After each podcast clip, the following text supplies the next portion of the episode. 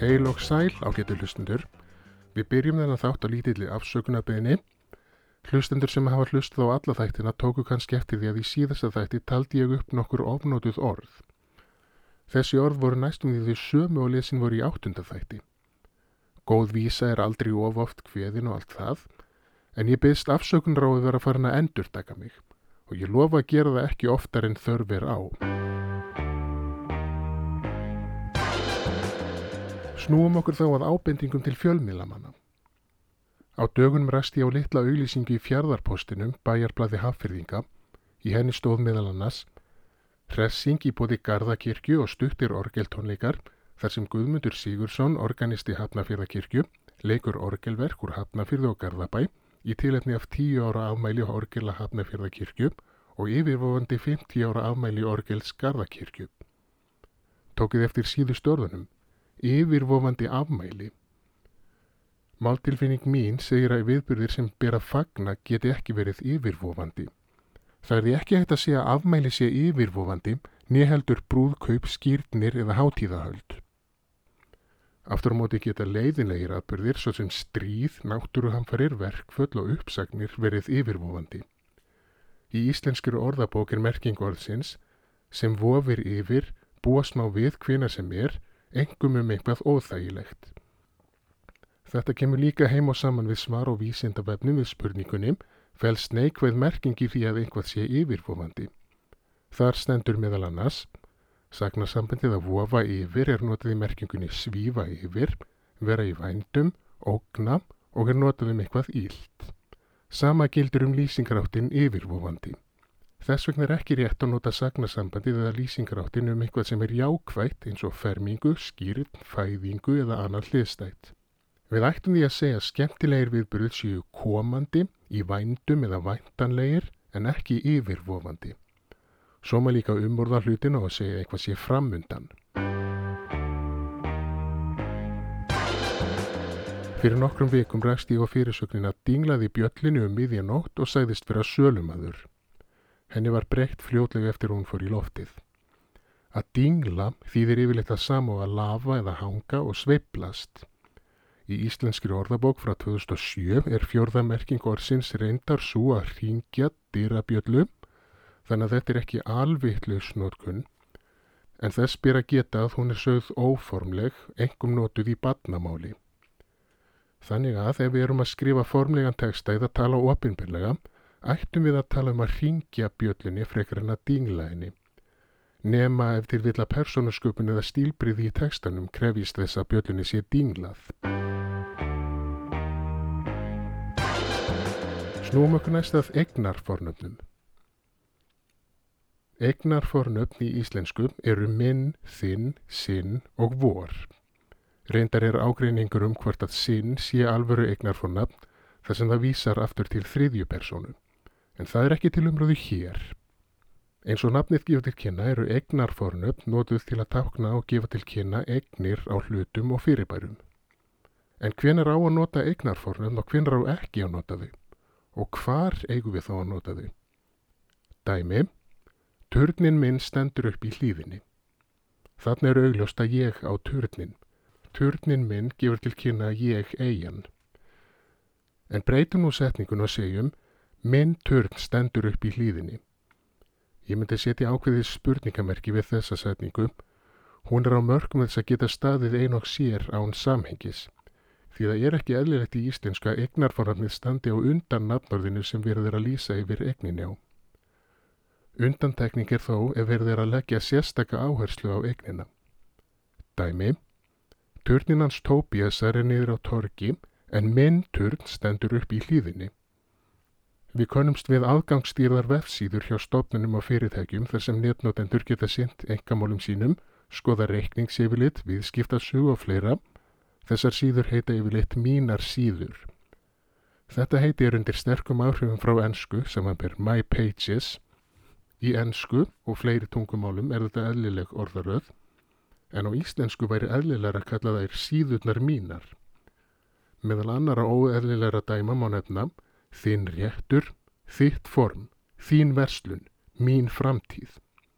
Þarna væri eðlilega að segja rétturinn þinn eða réttur þinn, formið þitt, verslunin þín, framtíðin þín. Ég held að við getum flest verið samálum að þetta sé hinn rétta staða eignarfornöfna í setningum í íslensku. Svo er það eignarfornöfn og líkamslutar. Það er flókin og ekki alltaf heppileg blanda í daglegu tali í íslensku. Ég get að minnst okkurst ekki vanist í alveg að heyra eða sjá líkamsluta nota það sem eignir. Dæmi eru settingar á borð við. Mér er kallt á fingrunum mínum. Mér er ílt í magunum mínum. Ég rak höfuðið mitt í veggin. Í flestum tilfellum er augljóst að það eru okkar eigin líkamslutar sem við tölum um en ekki einhverja annara.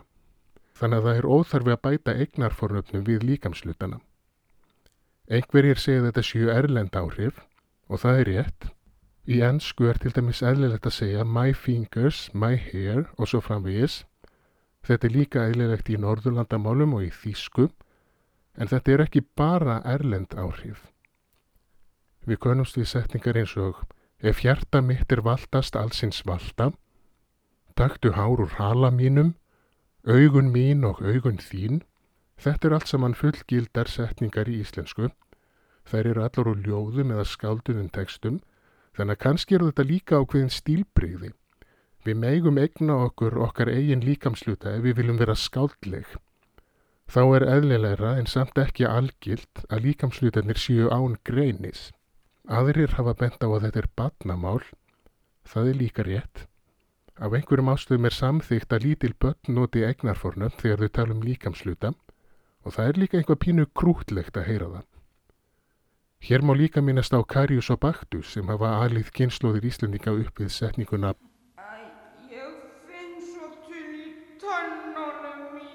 En ef við erum eldri en segjum 10 til 12 ára og erum ekki að semja ljóð eða skáldverk tala við börn eða reyna að vera krútleg, ættum við frekar að sleppa eignarfornöfnum þegar við tölum um líkamsluta á okkur eða öðrum. Snúm okkur að lokum að svörum til hlustenda. Þættunum hefur borist bref. Það hljóðar svo. Mér finnst svo margir farnir að tala um að pröfa einhvað. Mér finnst það að hljóma svo illa. Á ekki alltaf að nota prófa. Er pröfa ekki bara þegar maður fer í audition? Góð spurning. Ég tók saman tvö svör við henni. Annars verðir nei, ekki samkvæmt nútíma skilningi á þessum orðum. Í íslenskri orðabók er merkingsagnar sinns pröfa, reyna, prófa, gera tilraun með. Prófa hefur hins vegar þrjár merkingar. Svo fyrsta er kanna, reyna, prófa einhvað. Í íslenskri nútíma málsorðabók sem aðgengilegur á vefnum málið.is er sögnin pröfa sögð vera óformleg. Það stendur að formóti ekki við sögnin að prófa. Mín tilfinning, eða tilfinningin mín, er svo að hvortvekja sé jafn rétt. Það er að segja váttir við það samu og að reyna eitthvað. Ég er samt vanrið í að prófa hluti heldur en að pröfa þá. Ég hef samt ekkert á móti því að við pröfum hlutina líka. Ég myndi til dæmis segja, ég ætla að prófa að ringja í Jens en síður ég ætla að pröfa að ringja í Jens. Hitt svarið við spurningunni er jú, sangvæmt sögunni. Þá ættum við að prófa en ekki pröfa. Ef við lítum yfir söguna mælir allt með því að við prófum frekar en að pröfa. Því sagnarðið prófa er eldra í íslensku heldur en sagnarðið pröfa. Í rítmálsafni orðabókar háskólans er elsta dæmið um sögnina pröfa frá orðinu 1945 Elsta dæmið um sögnina prófa í sama rítmálsafni er hins vegar frá árinu 1540. Sama niðurstöða fæst á vefnum tímaritt.is. Þar er elsta dæmið um sögnina prófa frá árinu 1780. Pröfa í merkingunni reyna er öllu yngri eða frá árinu 1950. Menn verða samt hafa verið byrjaður að pröfa nokkuð fyrr á 20. stöldinni því það er amast við orðinu í lesandabrifum og málfarsráðleikingum dagblaða og tímarita, til dæmis í tímaritinu Hlín árið 1942. Þar er stungið upp orðunum sínisotn, prófa og reyna í stað orðsins pröfa. Ég vonaði sendandi sem á aðrir hlustendur séu einhvers vísari eftir þetta svar. Endum það á stöku úr vísi frá 12. júli 1927 um orðin sínisorn og pröfa. Orðið prufa engin er, íslenska það vitið, sínishort því sífælt þér segið bæði og ritið. Orðið prufa er ekki annað en dönsku sletta, afbökun úr danska orðinu prufu og ætti því að hverfa úr málinu sem fyrst. En þið fagra orð sínishort ávalt að vera notað í þess stað. Þá hef ég ekki fleiri hugmyndir að sinni. Ég minni á að hægt er að senda aðtugasendir, rós, kvartanir eða hvað annað sem hlustendum þetta í hug í gegnum samfélagsmiðla málfarslögreglunar á Twitter og Facebook eða í gegnum vefin orðabókin.is. Þar má líka hlusta á eldri hlaðvarpsætti auk þess sem tenglar í heimildur og ítaretni fylgja flestum þáttum en þættin eru líka aðgengilegir á iTunes, Spotify, Stitcher, Soundcloud og í öllum betri hlaðvarpsöppum. Þessum þætti er þá öllum lokið Takk fyrir að hlusta. Lifið heil.